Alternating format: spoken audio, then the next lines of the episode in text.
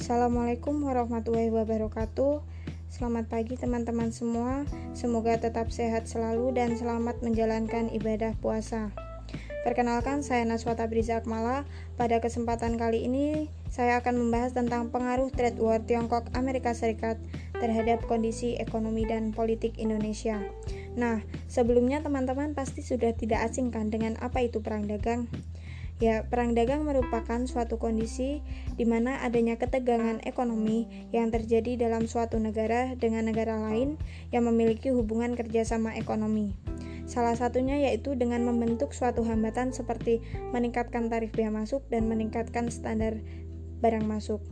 Seperti yang teman-teman ketahui, pada saat ini ekonomi global sedang mengalami ketidakpastian. Salah satunya yaitu dipicu dengan adanya perang dagang yang terjadi antara Tiongkok dan Amerika Serikat.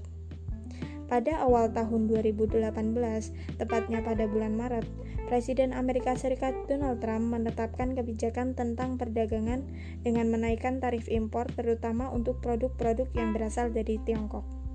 Tarif yang ditingkatkan yaitu senilai dengan 60 miliar dolar Amerika.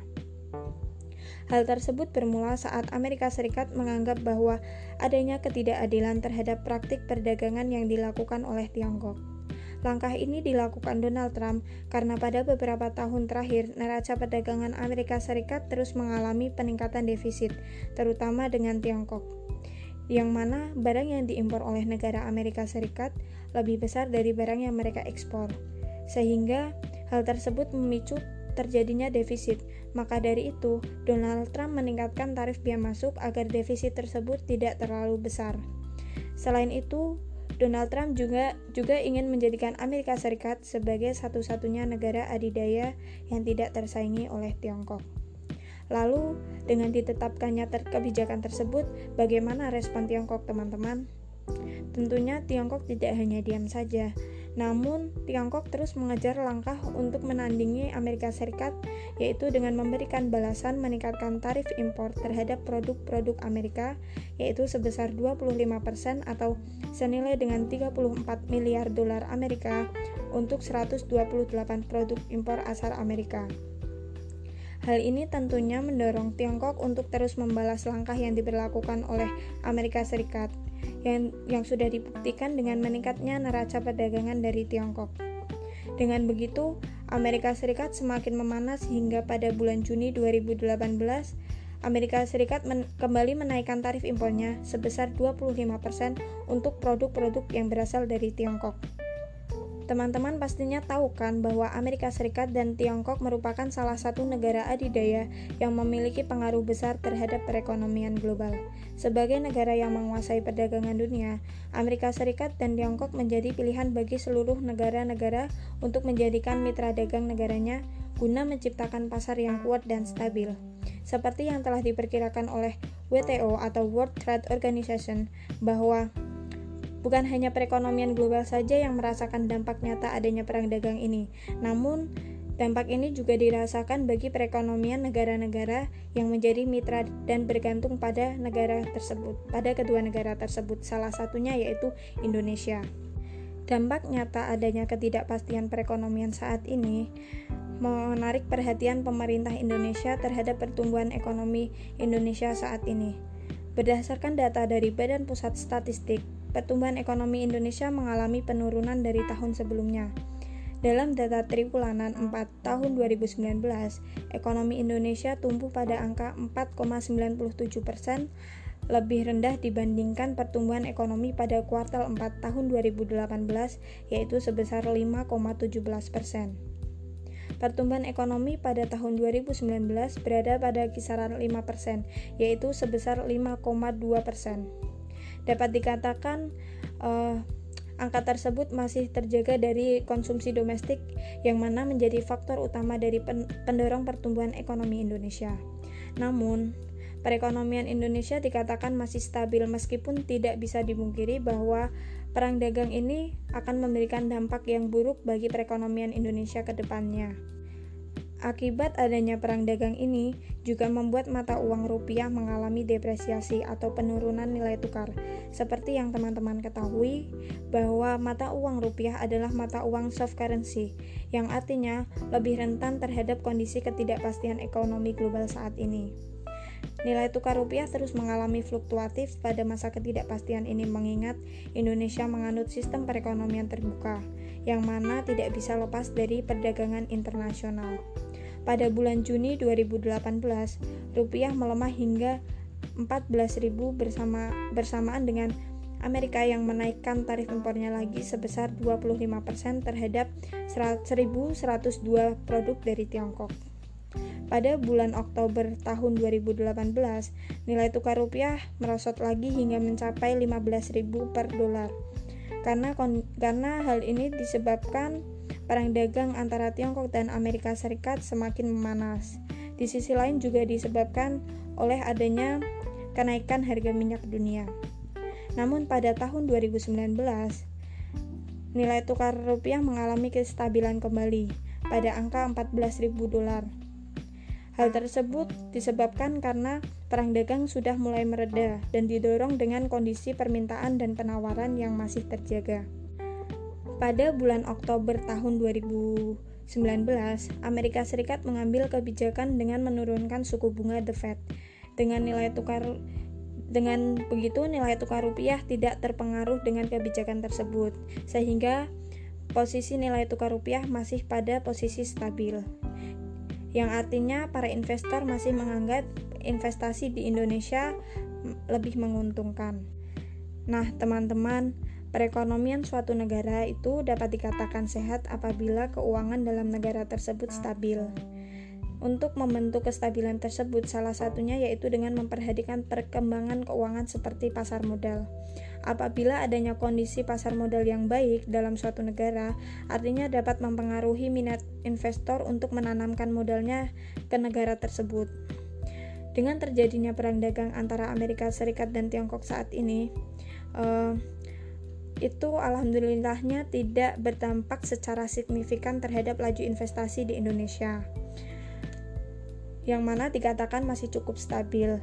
Berdasarkan data Badan Koordinasi Penanaman Modal atau BKPN, realisasi laju investasi pada kuartal 4 menunjukkan sebesar 208,3 triliun yang naik 12% dibandingkan kuartal 4 tahun 2018 dan dalam kuartal to kuartal juga mengalami peningkatan sebesar 13%. Berdasarkan realisasi laju investasi tersebut, penanaman modal domestik dan asing dikatakan hampir seimbang, baik penanaman modal dalam negeri atau PMDN yang mencapai angka 103 triliun yang mana dari tahun ke tahun meningkat sebesar 18,5 persen dan penanaman modal asing atau PMA mencapai angka 105,3 triliun dalam tahun ke tahun meningkat sebesar 6,4 persen. Hal tersebut menunjukkan bahwa investasi Indonesia mengalami peningkatan pada tahun 2019 sebesar 12,2 persen dibandingkan dengan investasi tahun 2018.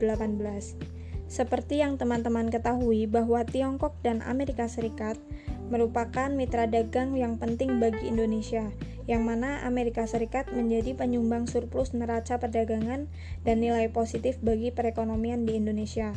Salah satunya yaitu dengan menunjang ekspor komoditas Indonesia seperti baja, karet, mesin listrik, alas kaki, dan pakaian. Sedangkan Tiongkok itu sebagai mitra dagang terbesar bagi Indonesia, terutama dalam kegiatan ekspor.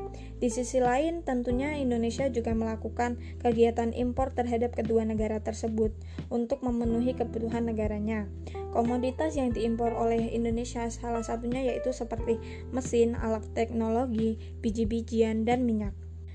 Kondisi nilai ekspor dan impor Indonesia terhadap kedua negara tersebut saat ini yaitu bersifat fluktuatif Berdasarkan data Badan Pusat Statistik atau BPS, pada bulan April 2018, Indonesia mengalami defisit besar terhadap neraca perdagangannya, yaitu hingga menyentuh 1,63 miliar dolar.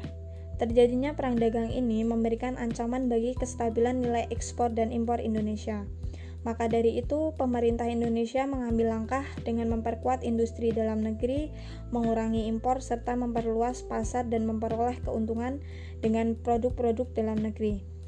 Adanya perang dagang ini tentunya juga memberikan peluang bagi Indonesia untuk mengekspor komoditasnya ke Tiongkok untuk menggantikan pasar Amerika dengan produk-produk yang biasa diekspor oleh Amerika Serikat ke Tiongkok yang terkena tarif impor, seperti baja dan aluminium.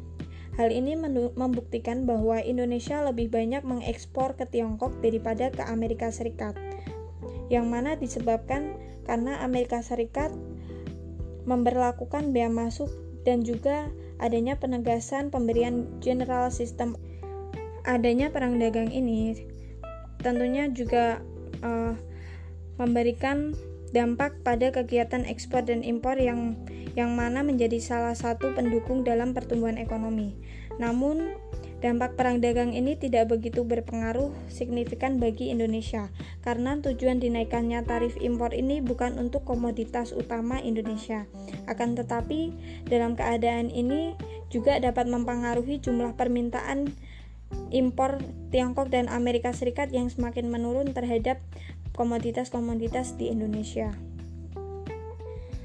Pada masa ketidakpastian ekonomi global akibat adanya perang dagang ini tentunya juga menimbulkan sentimental bagi kondisi politik dan ekonomi Indonesia.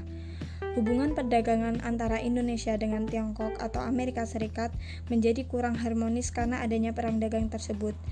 Dengan adanya hubungan bilateral, bilateral ini, maka Indonesia harus mengurangi kerjasama untuk meredam memanasnya perang dagang. Meskipun Indonesia harus bersifat netral dalam menghadapi ketidakpastian ini, agar tidak mengganggu nilai-nilai kerjasama internasional, yang mana Indonesia, bahkan negara-negara lain pun tidak ingin terseret dalam perang dagang yang sedang memanas ini. Namun, di sisi lain, Indonesia juga harus memutuskan untuk melakukan kerjasama antara apakah dengan Tiongkok atau dengan Amerika Serikat, yang mana akan bersangkutan dengan konsekuensi terhadap kerja dan perekonomian Indonesia ke depannya. Dalam hal ini, Amerika Serikat bersifat sangat agresif terkait dengan peninjauan ulang Indonesia sebagai penerima GSP, di mana Indonesia memperoleh potongan biaya masuk dari Amerika Serikat terhadap produk-produk ekspor Indonesia.